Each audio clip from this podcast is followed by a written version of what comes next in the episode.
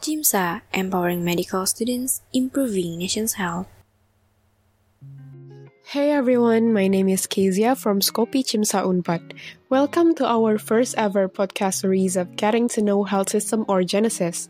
At this moment, we will talk about the health system around the world and how the pandemic affects them. Also, here, I'm not gonna be alone, so let's invite the other speaker who had visited Indonesia once as an incoming of IFMSA exchange program. Without further ado, let's welcome Nikola.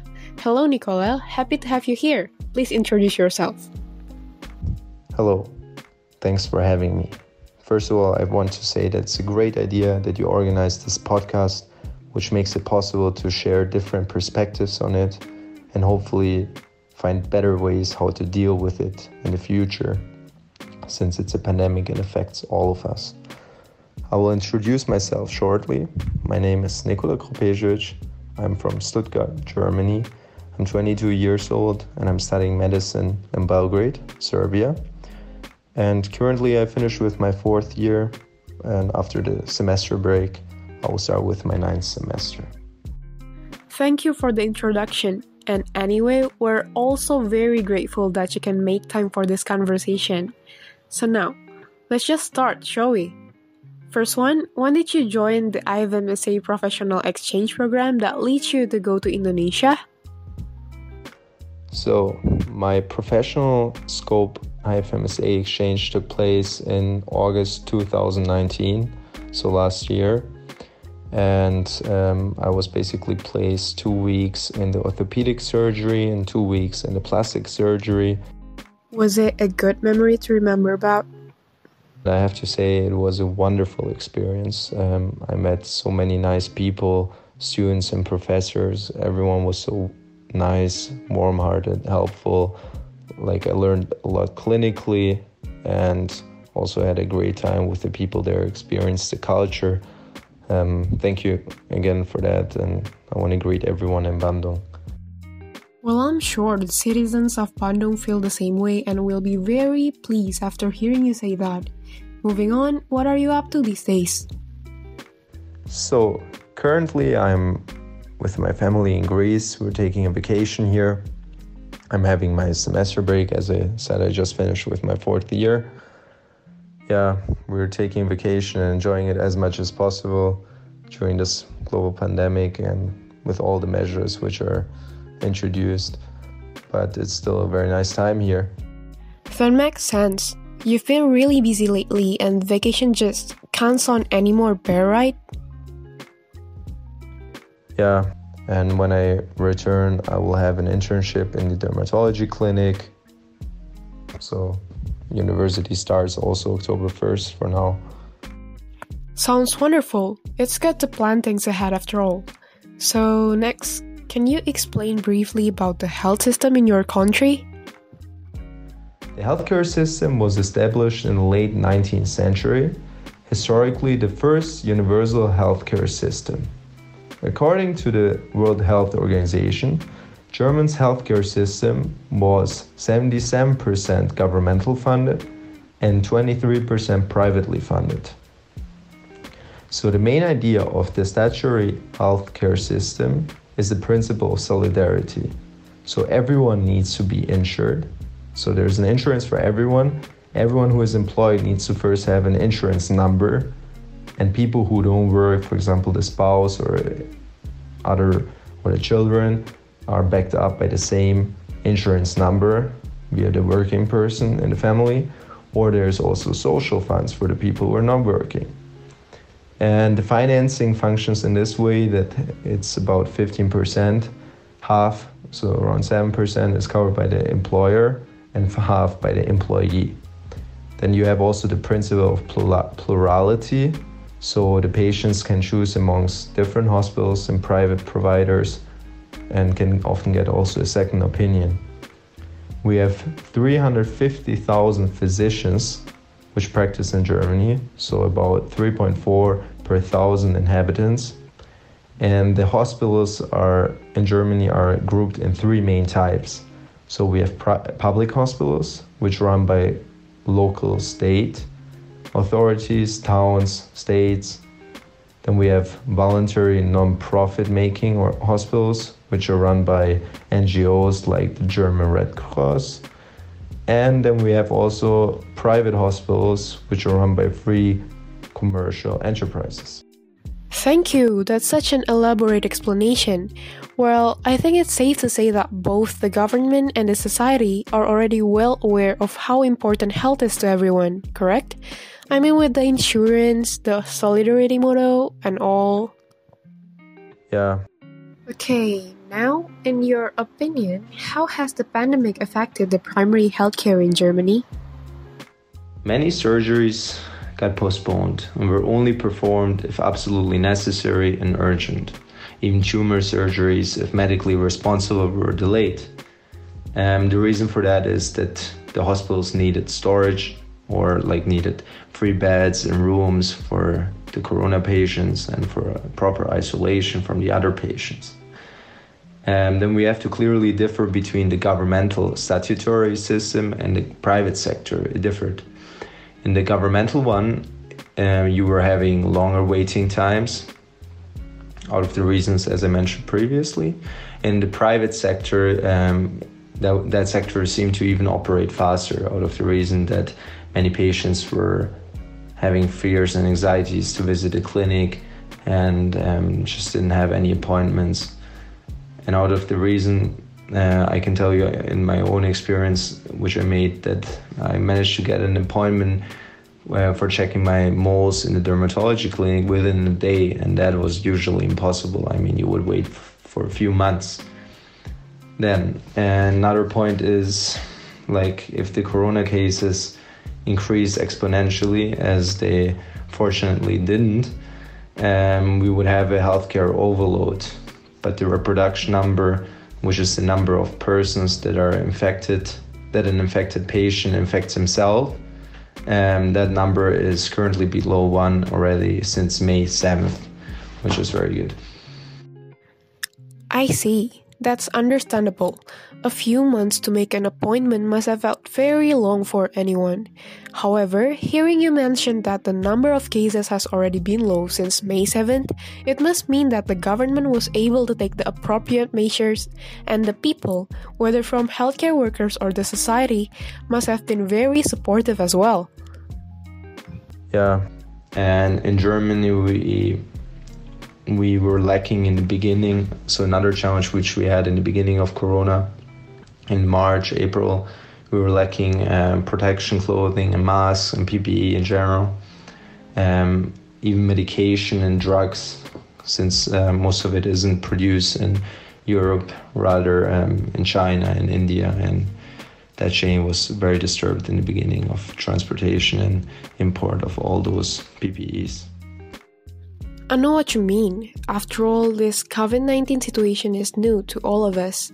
Therefore, maybe we fell short at first trying to meet the requirements of patient care, personal protection, etc.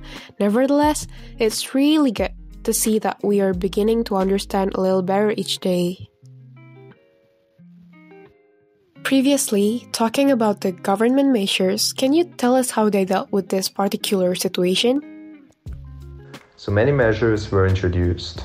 Um, some which are still to this day are, for example, that you have to wear a mask in stores and public transports and gyms. That only up to 20 persons can hang out at the same time. Big events got fully cancelled, and um, at least until the December 2020.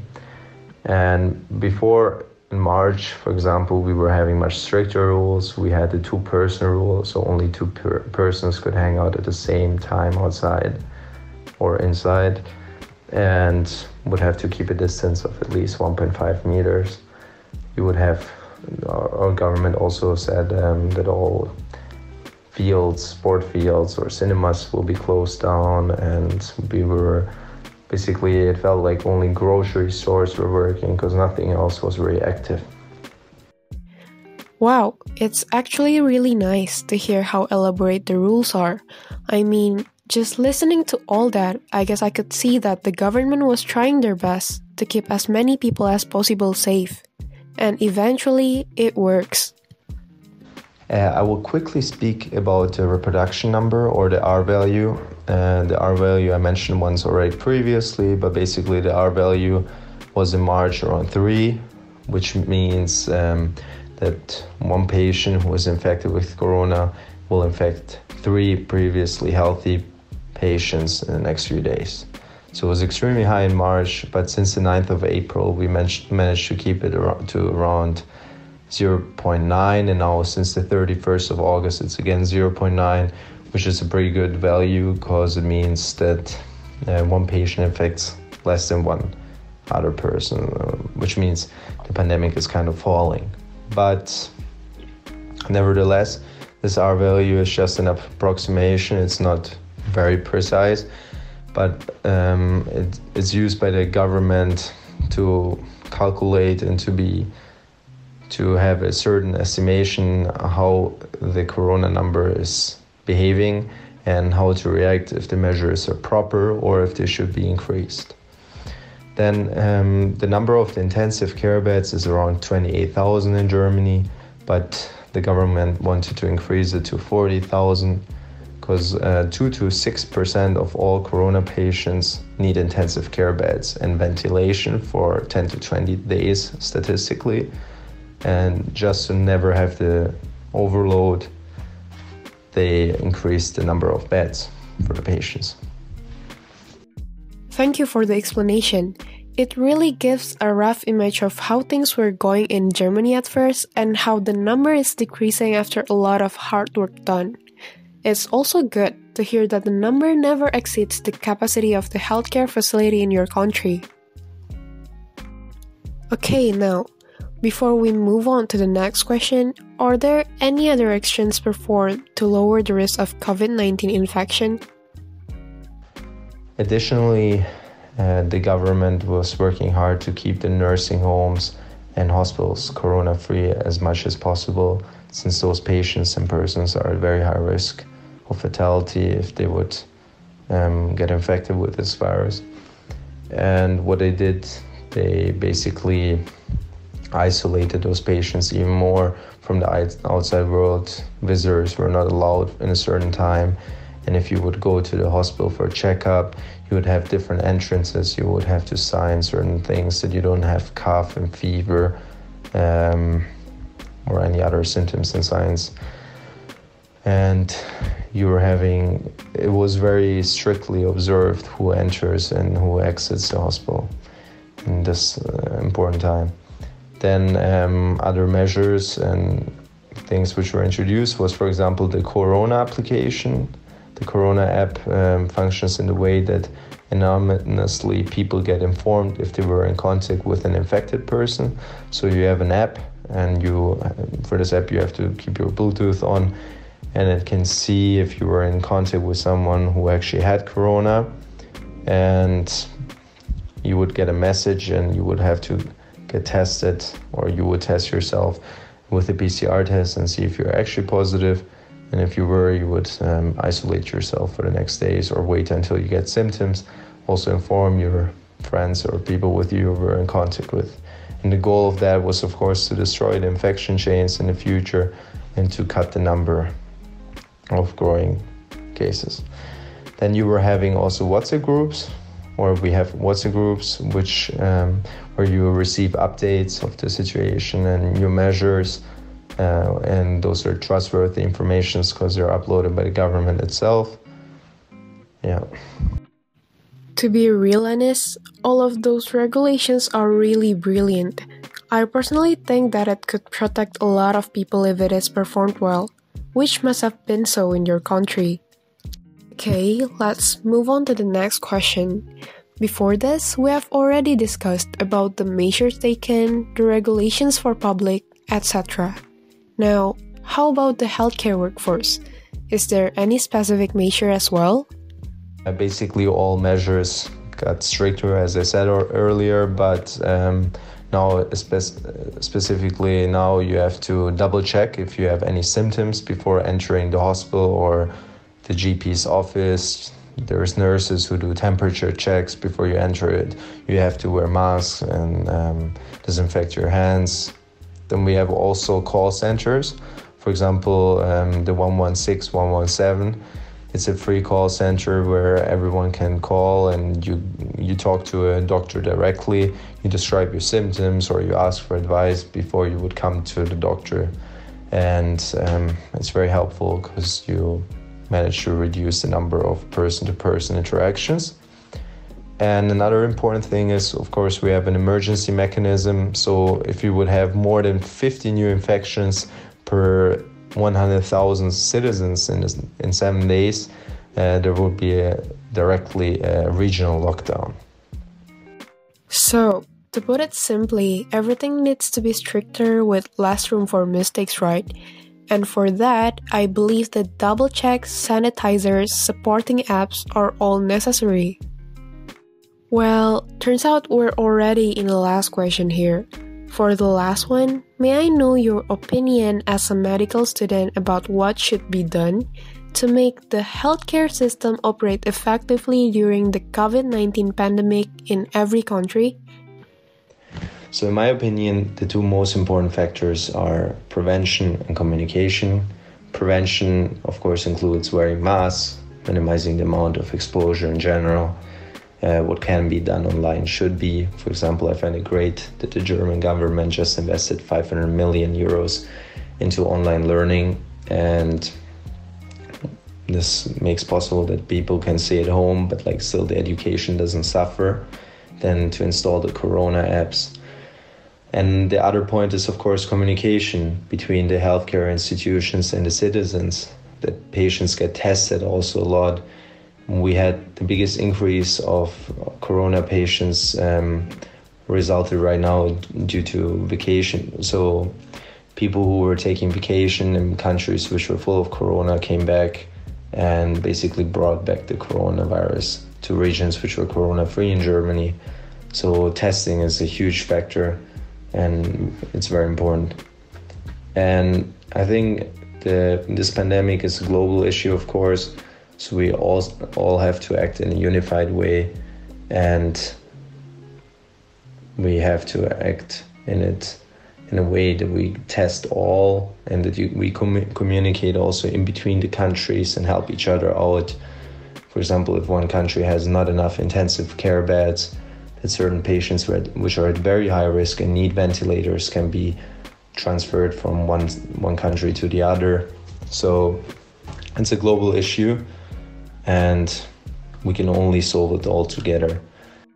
I couldn't agree more. In the end, we're all in this together.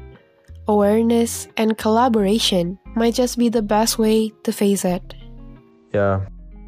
I think that's all for the questions. Sadly, we have to end it here. Thank you very much, Nikola. It's such a pleasure to have this talk with you. Thank you very much for listening and thanks for the invite. It was an honor to speak about this global pandemic and such an important issue.